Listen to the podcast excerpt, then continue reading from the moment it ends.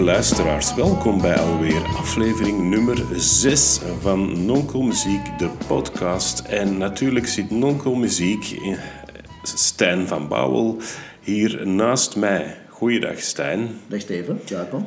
Wij hebben vorige keer een uur lang, denk ik, gepalaverd over uh, Johnny Cash. En helemaal op het einde heb, heb jij toen een interessante link gelegd met de artiesten van vandaag. Ja, we zoeken altijd naar een link tussen de twee afleveringen.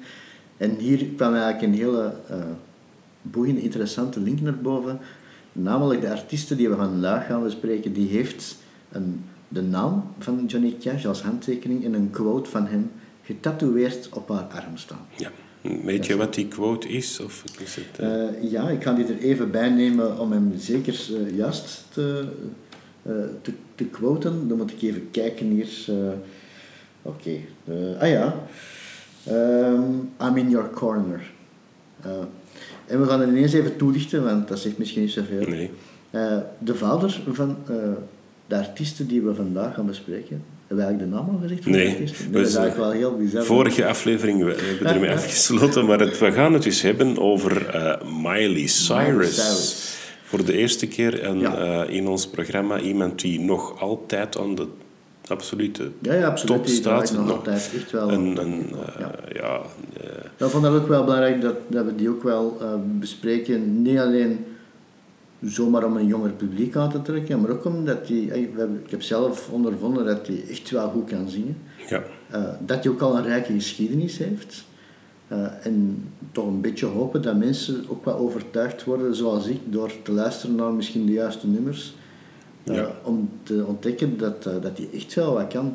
Ja, ik loop normaal gezien met een grote boog rond uh, hedendaagse popmuziek. Ik denk maar, dat dat uh, zelf ook wel uh, voor een deel automatisch doe, omdat dat wat minder mijn genre Ja. is. Maar als ik dan de tijd neem om eens te luisteren, dan zijn er echt wel verschillende Ja. sterren trouwens, die mij zo hard overtuigen. Ik heb dat ook bijvoorbeeld met Dua Lipa, haar stem die geweldig is. En de muziek van Taylor Swift, die zeker meer akoestisch album tijdens aan de covid-periode uh, mij echt heeft uh, omvergeblazen en zoiets van, ah ja, dat is meer Ja. alleen maar zo de, de popster uh, Ja. met de flashlights. Voor mij was het ook een ontdekking om, om eens iets rond Miley Cyrus te doen. Ehm, ja, ik, ik kende haar niet echt. Eh, ik ken natuurlijk wel haar vader en daar gingen we het even Ja, over klopt. hebben. En daar, daar zie je eigenlijk dan iets dat terugkomt, hè, want eh, daar gaat ook die, corner, die I'm in your corner, eh, gaat die quote ook over. Eh, de vader van Miley Cyrus is eh, de, de rock and roll ster of country, Country, of, ja. eh, het is, het is Ja. wat breder natuurlijk, Billy Ray Cyrus. In Amerika nog veel bekender natuurlijk, maar ligt een beetje aan het genre. Maar die had een tijd geleden een, een hele grote hit met Achy Breaky Heart. Ja. Dat ook in België trouwens een, een mega-hit is geworden. 1992 was dat alweer. Ja. ja. veel te lang geleden. Want ik kan het mij nog herinneren. Toen, toen is Miley Cyrus geboren trouwens. Eh, ja, ja, ja, dat ja. En eh, ja, dat is wel meer natuurlijk de, de country eh, ja, gemeenschap misschien, zou ik maar zeggen. De, veel van die zangers, maar ook de fans van de echte diehard country muziek, die vonden dat maar een slecht nummer. Want dat is geen country. Hetzelfde als ooit gebeurde trouwens met John Denver, die dan een country award won en dat dan de artiest die het eh, moest voorlezen gewoon de envelop nam en letterlijk op het podium die envelop in brand stak. Omdat John Denver überhaupt de prijs had gewonnen. Terwijl hij toch Ja. een goede ster is. Ja. En ja, die hit kwam uit, Achy Breaky Heart. Een geweldige hit, ook in Europa, wat niet evident is met countrymuziek. Hij kreeg heel veel tegenwind, eh, Billy Ray Cyrus. Behalve van één man, die uiteraard dan weer opsp- eh, opspringt voor de, de underdog. En die heeft een brief geschreven, eh, Johnny Cash heeft die brief geschreven naar Billy Ray Cyrus. eh, om hem te steunen, van uh, moeten we niet aantrekken, dat is een keigoed nummer, ik ben echt wel fan van u. Met eh, op het einde dan die quote, I'm in your corner, ik Ja. sta bij u, aan, aan uw kant. En dat is altijd bijgebleven en jaren later heeft eh, eh, Miley Cyrus dat als ode zowel aan Johnny Cash, hè, waar zij toch ook wel fan van was, en aan eh, ja, haar vader, hè, want die hebben een hele goede band, heeft zij die quote met aan de handtekening van Johnny Cash die op die brief stond laten tatoeëren op haar arm. Ja, dat is interessant. En, en om maar een idee te geven van wat voor hit, grote hit dat was voor de mensen die er toen nog niet bij waren. Dat was heel de zomer, elke dag. En daar heeft dus de, de line dance rage aan doen ontstaan in België. Zag je plots overal mensen line dansen. Ja, ik zeg het, country was in Europa niet zo echt hot. En je zit in 92, hè? Ja. Uh, waar spreken we dan over hier in België? Dat zijn de, de tien om te zien muziek die Ja. binnenkwam. Je had de grunge die wat binnencijpelde. Uh, binnencijpelde is veel gezegd, dat, dat werkte echt wel goed ook, ook in België. En dan zo de Eurodance, die ook wel... En dan komt er ineens Achy Breaky Heart. Wat echt wel zo... Van, ja, dat is een... Nog een ander bewijs dat dat een grote hit was, is dat het in de Simpsons eh, iets over wordt gezegd. Dus in de aflevering heb ik me altijd herinnerd, Homer's eh, Barbershop Quartet. Ja. Eh, 93, dus een jaar later, na, de, na Achy Breaky Heart. Hè, ontdekken ze dus dat Homer een paar jaar eerder een succesvol a cappella eh, quartet Ja, had, ja, barbershop quartet had, de B-Sharps. Ehm, en in die aflevering verklaart Homer het succes van de B-Sharps omdat er een gat moest gevuld worden in de popgeschiedenis omdat Achy Breaky Heart nog niet bestond. ja. Dus hè, de mensen waren er eigenlijk zo hard op. eh, Het was een van de mijlpalen, dus, en er was een gat voor die mijlpaal. En ehm, dus ja, dat, dat werd pas enkele jaren, eh, jaren later geschreven. Trouwens, die aflevering is... eh er komt George Harrison ook in. Ah, ja, ja, Wat ja. zo'n beetje een persiflage aan de Beatles is. En wat ik pas net ontdekte toen ik dus er even over nadacht... De B-sharps... ja. Wat is dat in het, op de piano? Dat is een dood. Dat is gewoon een do. een zegt do. Homer altijd? Ja, ja. Homer zegt ook altijd Do. do. En volgens mij is dat een Ah, niet grap. bij stilgestaan. Ja, Ik ook niet, maar ik dacht er niet zo. Voor de, voor de muzikanten, eh, of de niet-muzikanten misschien even toelichten. Een, eh, een B-sharp eh, is een, een, een C-kruis Ja, dat bestaat maar eigenlijk tussen niet de. C en de Do eh, zitten geen halve noten. Hè. Op de piano, als je dat zou zien, zijn er geen zwarte toetsen tussen Nee. die twee. Dus als je dan eh, kruist, is een halve toon hoger. Dan kom je automatisch bij de C-kruis is do. Do, ja. Ja. Ja, Eh, we zijn afgeweken, ja, maar, misschien eh, moeten we eens even de, de rest van de familie even kort voorstellen Ja. van Miley Cyrus. Niet Ja. onbelangrijk. Eh, want dat zijn wel de mensen waar dat ze zich mee omringt. Want zij, ja, zij is natuurlijk nu die popster, maar ja, ze heeft natuurlijk andere voorbeelden gehad en eigenlijk wel heel mooi. We hebben Billy Ray Cyrus, de vader al gehad. Misschien even aan de moeder, voordat we de grote naam droppen hier. De moeder Tish eh, Cyrus eh, is ook de manager nog altijd nu van, eh, van. Eh, die, de twee zijn uit elkaar, het koppel, en zij heeft ondertussen een nieuwe relatie al lange tijd met Dominic Purcell, de acteur die, die we kennen uit Prison Break of Legends of Tomorrow. Dat is dus de Ja. vader van Ja. Miley Cyrus. Het zijn leuke familiefeestjes. Eh, haar broer eh, maakt ook trouwens eh, muziek. Trey Cyrus zit in de band Metro Station. Die hebben een hit gehad, Shake It, in 2008. De, toch zeker in de VS, bij ons weet ik niet, maar daar toch zeker een top 10 eh, heeft gehaald. Dus echt wel goed. En de zus Noah Cyrus, eh, die zingt ook. heeft één album gemaakt. Ik denk niet dat dat echt haar ding is. maar wat als ze dat graag doen, moet ze dat doen natuurlijk. En dan krijgen we de grote naam, want de eh, goede vriendin van Billy Ray Cyrus, Billy Ray Cyrus dat ik het juist eh, zeg, Ja. eh, die is ook zo de, de godmother, de, de, de Ja, is de meter, meter echt, meter eigenlijk geworden van Miley Cyrus. En dat is de enige echte Dolly Parton. Dolly Parton. En, en ehm, zij zingt soms ook live Jolene. Ja, klopt. Dat Eh, Miley van- Cyrus heeft dat zo in haar programma. Ja, eh, ik denk dat dat ook een van de eerste nummers was eh, waarmee ik zelf overtuigd was van het, het kunnen. niet misschien waarom, maar toch dat ik zelf overtuigd was van Miley Cyrus haar zang, omdat zij die akoestische nummers dan bracht. ja. Zij heeft doorheen de jaren verschillende akoestische sets gedaan. En als je live optredens soms opzoekt, dan zie je daar een cover waar dat zij heel even met een kleinere band achter zich heel leuke covers kan maken. Ja. Die, eh, nu, wij mogen afwijken in deze podcast. Eh, de cover van The White Stripes van Jolene. Die vind Ja, ik ook die hebben cool. daar ook wel, eh, is versie van oh, heel cool. En wat ook heel interessant is voor de muziekliefhebbers. Uh, iemand heeft ooit ontdekt dat als je het uh, singeltje Ja. uh, fout afspeelt, dus op 33 toeren, dat je een heel grave gothic versie krijgt Ja, van zoals Southern Gothic van Jolene. Dus gewoon het origineel van eh, Dolly Parton opzetten, maar op zijn 33, Ah, ja. eh, 45 Ja, ja, ja. toeren, 33 zetten. Een geweldige ervaring. Ik denk dat ik ineens terug al mijn platen moet bovenhalen om eens te zien wat er nog allemaal Dat is, dat is echt een heel grave... Ja, dat is, dat is precies een man die het zingt. Hè. Johnny Cash zou dat kunnen zingen. hè. Veel trager. Hè. Ehm, er is dan, we zitten in de playlist. Dat staat ergens op Ja, YouTube. gaan we zeker doen. Een ontdekking. Ja, misschien moeten we dan toch nog eens over Miley zelf hebben natuurlijk. Ja. Eh, Miley is niet een echte naam, ondertussen wel, maar die is geboren eh, met een... Ja, die is natuurlijk met zijn vader als eh, Billy Ray. Zij is geboren als Destiny Hope. Ja. Misschien als ze zelf wel zoiets had van, ja, dan moet ik toch eens laten veranderen. Eh, zij had als kind altijd een bijnaam, Smiley, omdat ze altijd lachte.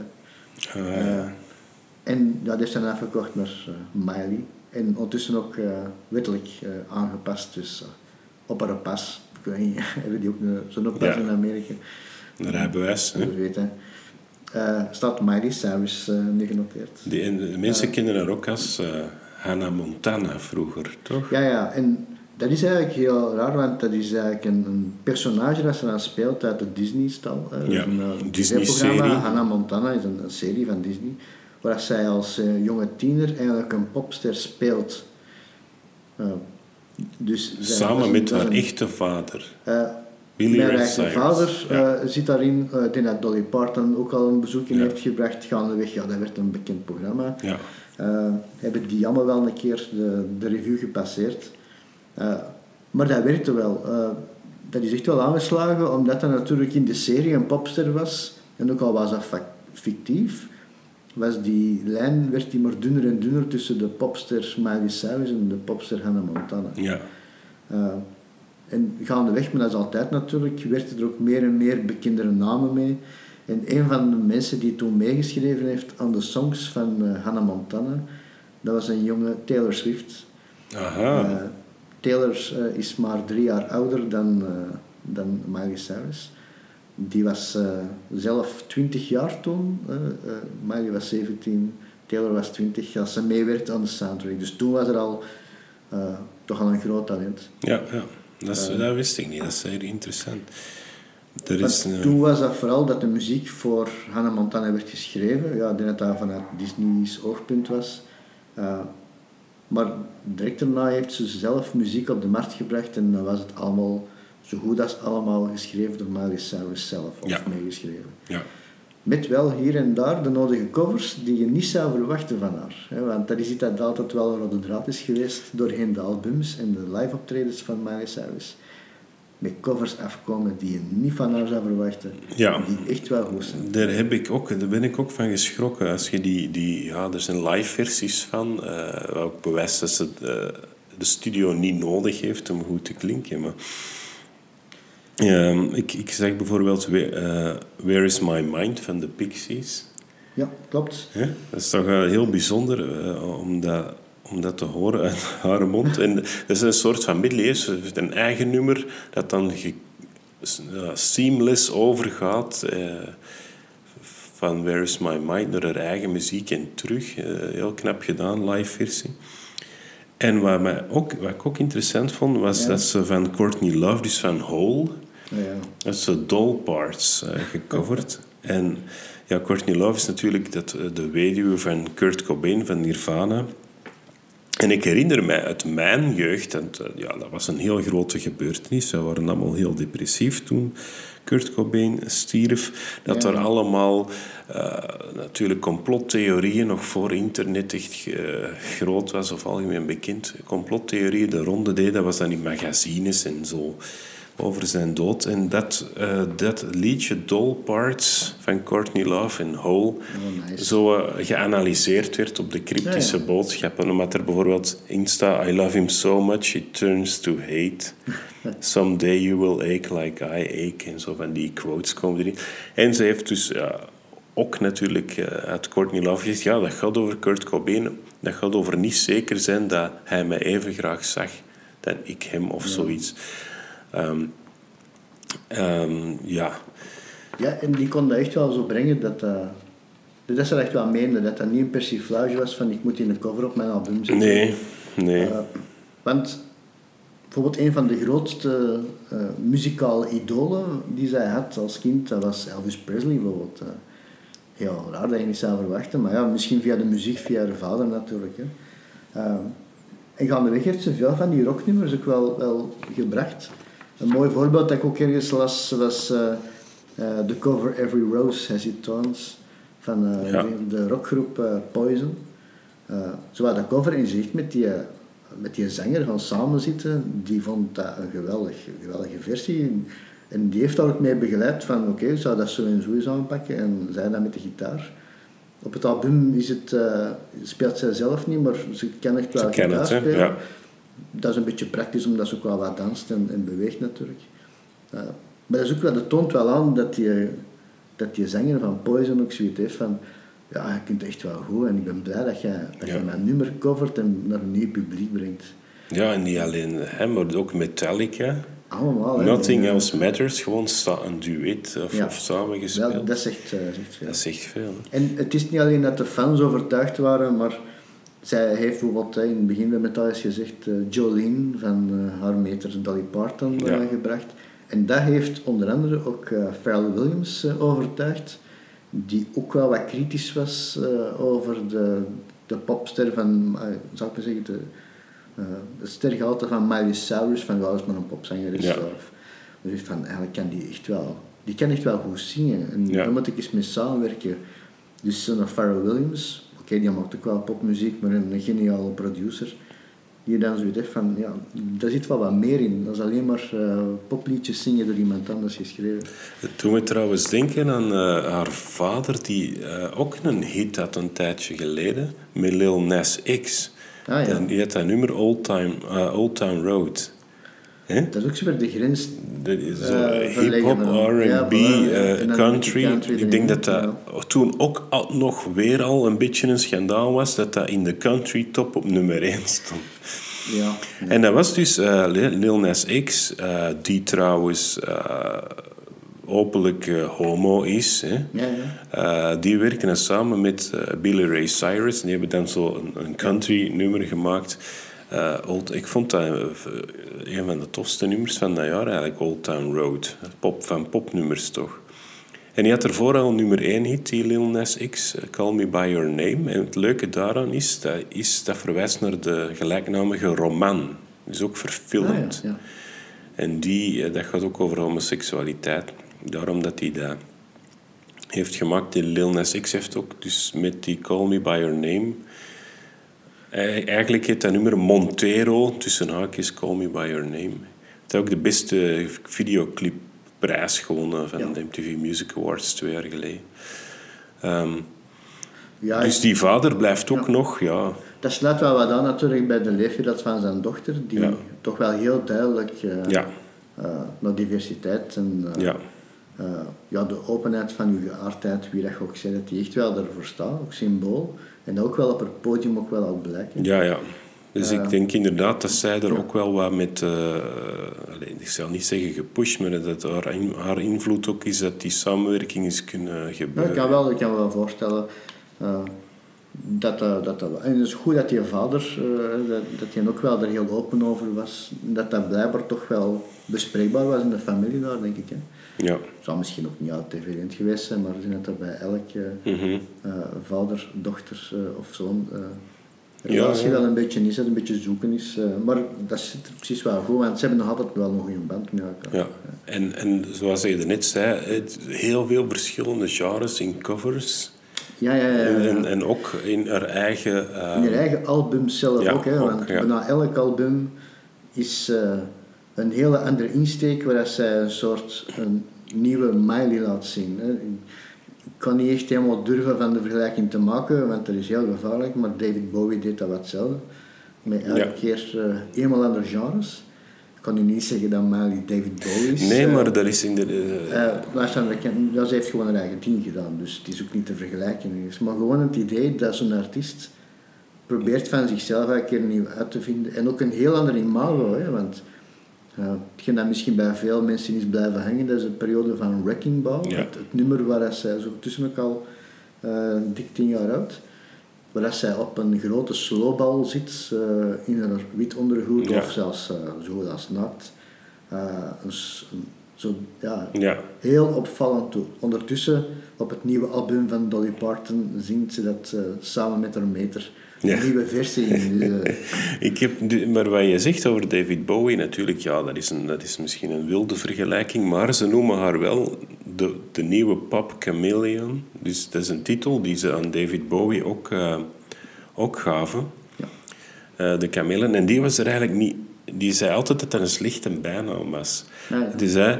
ehm, en Miley vindt dat zelf misschien ook, maar die zei... Nee, wij willen altijd opvallen. En een chameleon wil niet opvallen. Ja, voilà. Die verbergt zich. Wij, wij veranderen ons uiterlijk en onze stijl om eruit te springen. Dat is, Ja, ja. is helemaal anders dan een chameleon. Wij willen niet, niet schuilen. Dus...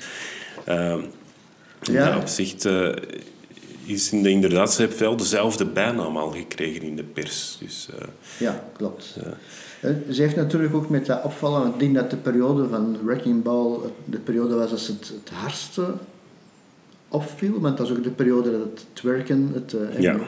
eh, voor wie het niet kent, met je gat schudden op een elegante manier. Eh, op het podium de tong uitsteken, de grote symbolen overal. De, als er iemand haar uitlegt, dan pff, nog eens een keer extra schepje bovenop en een unicorn en regenboog, Ja. alles erop en eraan.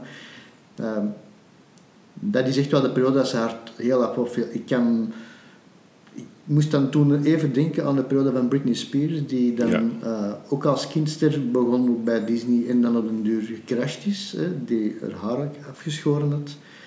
Eh, dat is bij Miley niet het geval geweest en op dat vlak is ze eigenlijk stabieler geweest. Wat niet wil zeggen dat ze eh, altijd gemakkelijk heeft gehad, denk dat die druk enorm hoog is. Zeker, maar misschien het geluk had van in dat warm gezin dan toch nog wat omringd te worden.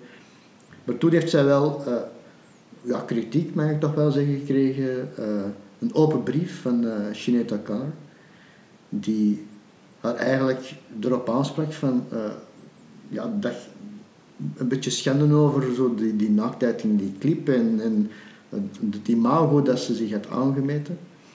Eh, zij heeft daar zelf op geantwoord van, eh, alhoewel dat ze echt wel fan was van, uh, van Sinead O'Connor. En het is was bij het overlijden, eh, dit jaar is, uh, is de zangeres helaas overleden, dat Miley zich openlijk en een paar keer zelfs verontschuldigd heeft richting Sinead O'Connor en dat ze nu pas begreep dat dat vooral een beschermende kritiek was van Sinead O'Connor, van pas op, nee, ja. nu wij zo bloot te geven, letterlijk en figuurlijk, want ze maakt er gegarandeerd misbruik van. Ja.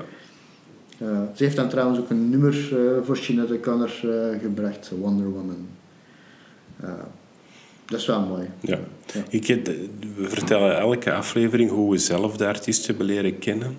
Ja. En bij mij was inderdaad in die periode, uh, ja, ik was dan bij Catastrofe Steve Biff, dus op een of andere reden kreeg ik altijd foto's van Miley Cyrus die haar tong uitstak aan ah, ja. mensen.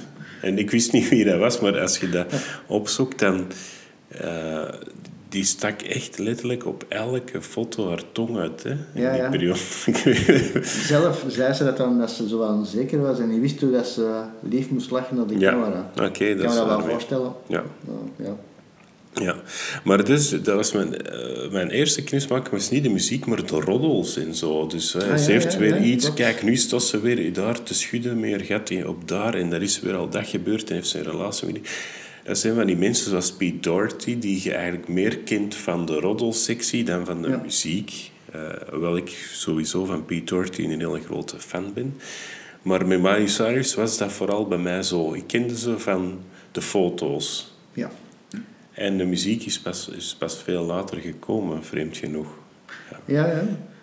Ik heb uh, zelf Miley Cyrus, denk ik, zoals de meeste ja, er kwam die hit van Wrecking Ball natuurlijk in hitlijsten. Dat was wat we kenden, want ik ben, ik ben een heel pak ouder. Ik heb, eh, ik heb ze niet leren kennen via Hannah Montana of zo natuurlijk. Maar ja, Wrecking Ball, oké, dat was op zich wel een leuke hit. Uh, ja. ja, wat het dan ook was, uh, gewoon. Maar rond die periode, want dat is eigenlijk al wat langer, heeft zij ook die kwamen die covers ook wel wat boven. Hè. Niet alleen Jolene, maar ik herinner mij nog een, een coverversie op een van de live optreden op YouTube gevonden van Heya van Outcast. Echt van Geweldig nummer, ja. En zij zingt uh, zo goed als op een eentje. Zo. Oké, okay, uh, is deze Miley Cyrus, die van Wrecking Ball? Maar toen was het, het, uh, het verschil tussen die akoestische nummers die ze al een tijd deed en dat echte extravagante van de periode van Wrecking Ball was echt enorm groot. En dan komt dat natuurlijk binnen van, oh tja. En dan beginnen we wat meer te zoeken en dan kwam ik terecht uh, op twee sessies uiteindelijk. Hè. Je hebt de, de backyard sessions, waar zij akoestisch in Aronov, maar Aronov is groter uh, ja. wij ons uh, kunnen voorstellen natuurlijk. Uh, dat zij daar echt akoestische covers deden van zo die nummers die we dan ondertussen wat hebben opgenoemd, of, of nog andere rocknummers, classics van oké, dat is gewoon dat meisje aan een gitaar met een paar muzikanten die rustige manier zo begeleiden. Zo, van oké, dat is hier wel de moeite. Ja. Nu, uh, omdat je net sprak over Outcast, wil ik toch even uitwijken, omdat deze week een album is uitgekomen na jaren van Andre 3000 van ah, ja, Outcast. Ja, En dat is een album, ik heb er nog geluisterd, het is voor de liefhebbers van bijzondere, sfeervolle instrumentale muziek. Het is een album, ja, ik kan het moeilijk beschrijven. Het is een soort met allerlei fluiten opgenomen, uh, meditatieve. Uh, het is geen hip-hop of geen popplaat. Het is hier weer iets helemaal anders. Voor mensen zoals ik die van gekke dingen houden, uh, perfect. Andre 3000, nieuw album van de maker van Outcast. Zeker. Even reclame. ja. ja. Uh, ik heb het over twee sessies. Dus je hebt die backyard sessions die je op social media zeker uh, kan bekijken of beluisteren. Maar uh, verschillende jaren terug is er ook een, een, een kerstspecial geweest. Een kerstfilm uiteindelijk. ja. ja. Het is zo de, tussen de twee, kerstspecial, kerstfilm. Geregisseerd door Sofia Coppola. Sofia Coppola, die kennen we van haar bekende vader, regisseur Francis Ford Coppola waar zij ook even een rolletje heeft gespeeld uh, in een trilogie uh, die heeft hij gemaakt, uh, de, The Godfather. dus er is gebleken dat zij zelf gelukkig een veel betere regisseur is dan acteur, dan actrice. want dat was niet zo heel geweldig toen in de film. zij heeft een paar goede films gemaakt, Lost in Translation, Marie Antoinette, The Bling Ring en dit jaar ook trouwens de biopic Priscilla over Priscilla Presley. Ook wel een aanrader, uh, een muzikale. En zij heeft toen een, uh, een, ja, een, een, kerstfilm gemaakt, A Very Merry Christmas. Ja. Murray komt van de, de, acteur Bill Murray. Ja, daar is hij Lost in Translation al mee Ja, onder andere. Ja. Dus een goede samenwerking, uh, ondertussen ook wel goed gewaardeerd. En het verhaal heel kort samengesteld, want uiteindelijk het verhaal in zo'n ja, film doet er niet veel door. Ja, doet er niet veel toe. Hè. Dus hij, uh, is in een hotel. Uh, er, hij is daar om een, een kerstspecial te maken. Hè. Live op televisie. Live op televisie. Satelliet en zo. En, ja. en dan is hij keihard aan het sneeuwen. Dus hij is van, ah, die, die gasten geraken er nooit niet door. er is een sneeuwstorm in New York. Ja. Er is geen publiek. Ja, gelukkig zijn er ook nog wel andere mensen in dat hotel aanwezig. Ja. Die hem dan ondersteunen met dan op de piano of, of met, met een eigen gitaar of zo. Uh, echte kerstklassiekers te komen brengen. En een van die, uh, er zijn een paar gasten, hè, zoals uh, Chris Rock is er aanwezig. Ja, George, uh, Clooney. George Clooney. En gelukkig ook Miley Cyrus. Ja. En dat is ook weer zo een, een, sessie, hetzelfde als bij die backyard sessions, dat zij op een akoestische manier of, of met minimale begeleiding nummers als Let It Snow, de klassiekers, ja. Sleigh Ride en vooral, en dat is echt wel dan moet je wel wat kunnen zingen. Dat is een hele mooie versie van Silent Night. Ja, dat vond ik ook toen. En daar hoor je heel goed zo de country versieringen ja. in haar stem. Zo die typische country ja, tremolo's en zo. En dat, dat lijkt een beetje een, dat is een evident nummer, iedereen zingt toch samen. Misschien daarom ook wel dat het vergelijk ook snel gemaakt wordt, van ja, iedereen zingt dat wel. En toch is die versie wel wat blijven hangen. Ja, ja. Uh, dus hey, de feestdagen komen eraan. Hey, tenzij dat jullie natuurlijk deze podcast beluisteren na de feestdagen. Ja. Uh, maar dan komt kerstmis er toch altijd terug aan. Hè. Zeker uh, die, uh, de liedjes uit die musical even opzoeken. In Silent ja. Night is een hele... A very Merry Christmas, een beetje zwarte humor, maar nog wel, nog wel grappig. Hè? ja, ja, nee, ja, klopt.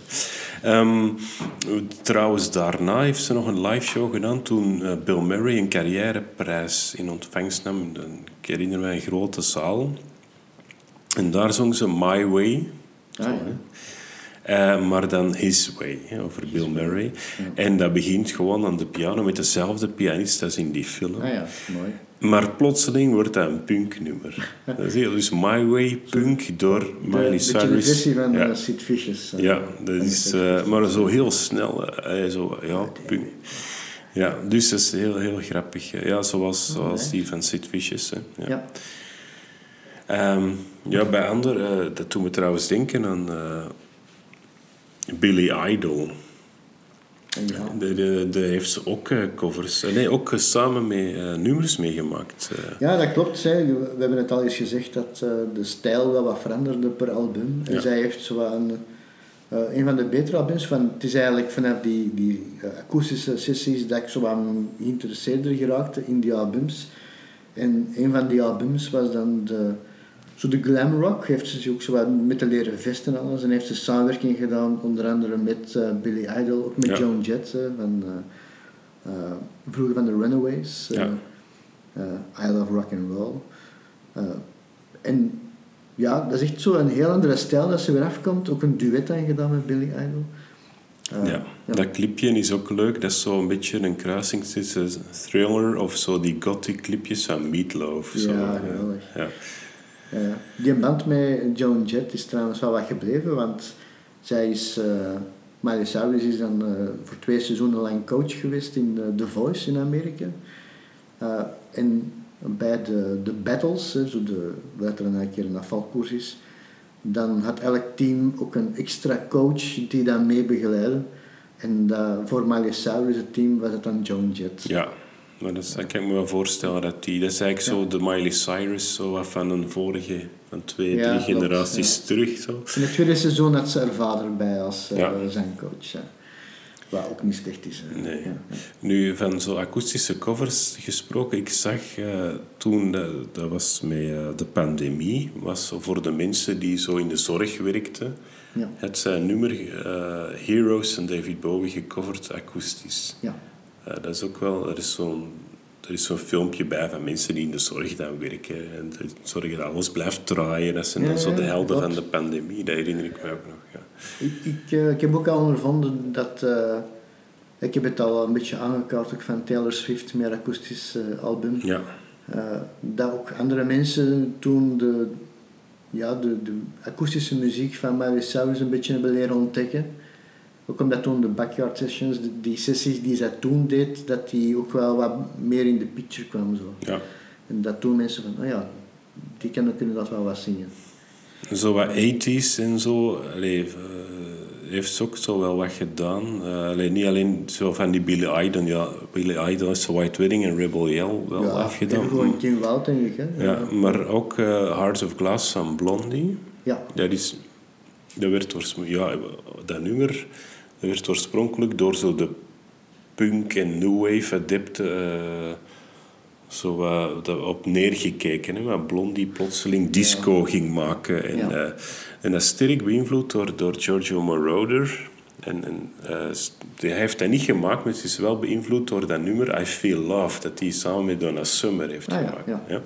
ja, je hoort het er wel wat in. Ja. En de, dus Blondie coverde Donna Summer, coverde dat nummer.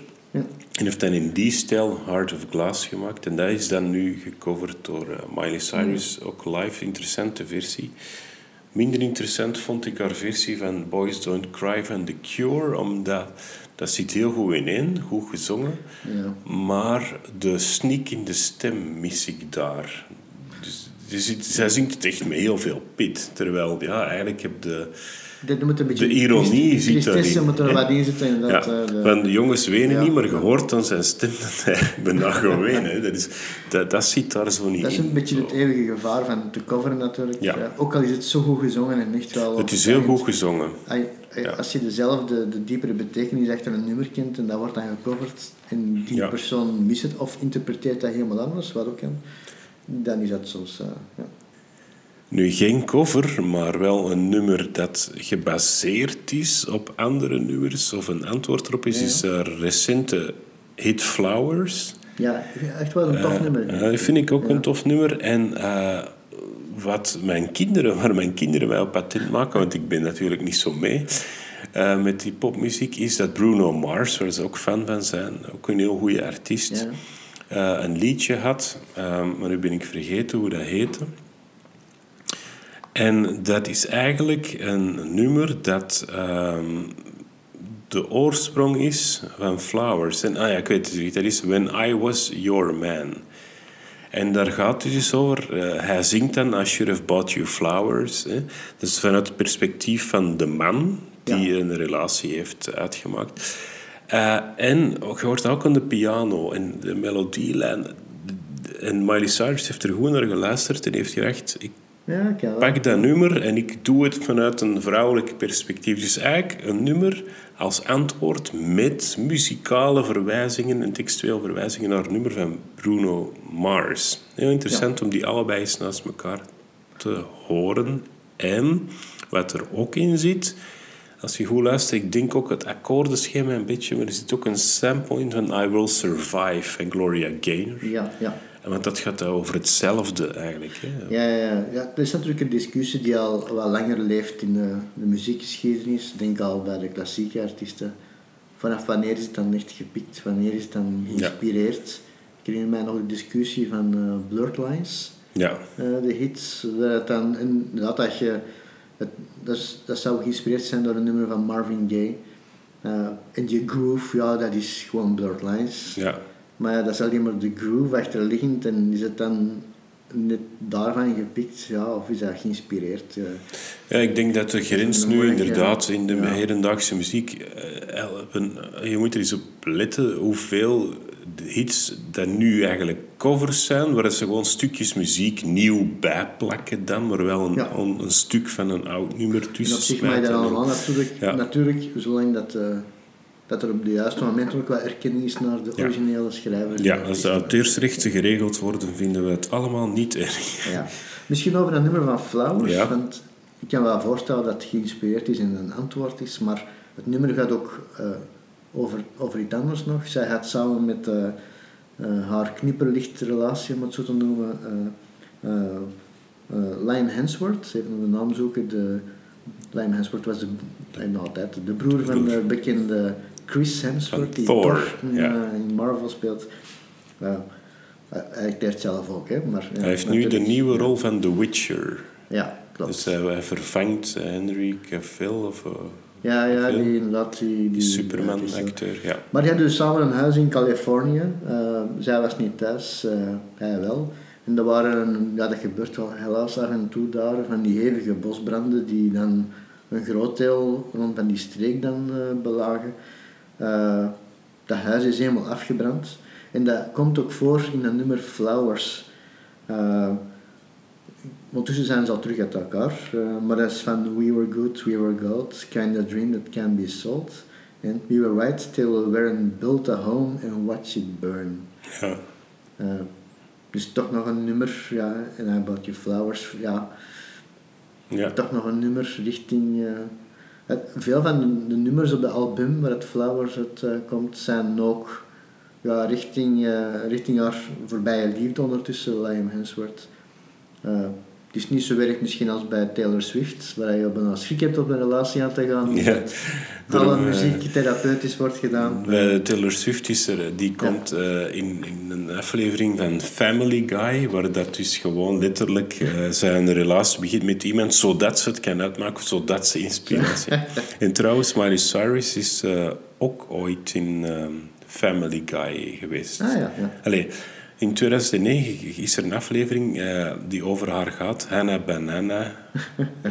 dat is Hannah Montana. Hannah Montana, ja. Um, en uh, ja, maar die, daar is ze gespeeld door een actrice. Maar er is dus een aflevering uh, 2009 van Family Guy over Miley Cyrus. Zeker ja. eens bekijken, heel grappig.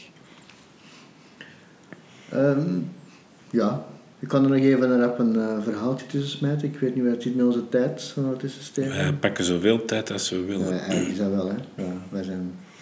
Zolang dat jullie blijven luisteren, zijn wij content. Ja. Maar natuurlijk gewoon ook geen urenlang uh, tijd niet saai wordt. Uh, misschien heel leuk, want zij heeft dan zelf in The Voice twee seizoenen meegedraaid als coach, maar een andere, een andere talentenshow in, in Amerika, die, nee, in Engeland was het trouwens, die ook wel elk jaar voor de nodige hits zorgde. Dat was X-Factor. En ja, misschien dat dat bij ons ook wel wat geval is, maar in Engeland was dat zeker zo dat die artiest die won dan X-Factor maakte dan een cover van een bepaalde single. En dat kwam elk jaar terug op nummer 1 met kerstmis. Ja. En op de deur hebben fans, eh, andere fans, dus niet fans eigenlijk, uh, hebben zoiets gezegd van, nou, moeten we nu weer zo luisteren naar ja. iemand die we volgend jaar al terug vergeten zijn met een hit op nummer 1 met kerstmis. Die zijn een campagne begonnen uh, om allemaal massaal te stemmen op Rage Against the Machine, Killing in the Name of, om dan met ja. één op kerstmis te geraken in 2009. We spreken 2009. Dus die hit is al lang, ja, ja. niet van de jaren, begin jaren 90. die hebben massaal een stemming geweest en het is gelukt. Dus in 2009 met kerstmis stond Killing in the Name of van Rage Against the Machine op nummer 1. Ja. De week later was terug om de winnaar van X-Factor. Zo, en dat is dan de link met Miley Cyrus, zou je aanvragen. De, de winnaar toen had uh, een zekere Joe uh, McElderry. Die we nu al vergeten die zijn. Die nu al vergeten zijn. met alle respect voor de man, want die maakt misschien nog mooie dingen. Maar die had een cover van Miley Cyrus gemaakt. The Climb. De Klim. en zonder die actie had dus Miley Cyrus haar nummer weliswaar gecoverd. In 2009 op nummer 1 gestaan met kerstmis. Ja. Daarna is het op nummer 1 geraakt. Hè, de, de ja, ze heeft geen boterham minder voor moeten eten. Ja, trouwens, uh, Miley Cyrus en Raging Machines zouden samen normaal gezien op één affiche gestaan hebben. Dat affiche is er gekomen. Een kerstaffiche. nee, nee, ze zouden optreden in uh, Berlijn, uh, het uh, festival Lollapalooza, dat in ja. Amerika vooral groot is, maar ook een editie dan had in, in Berlijn in het jaar 2020. En ja, ik moet dan niet meer ja, vertellen waarom dat het festival zelf ja. niet is doorgegaan natuurlijk.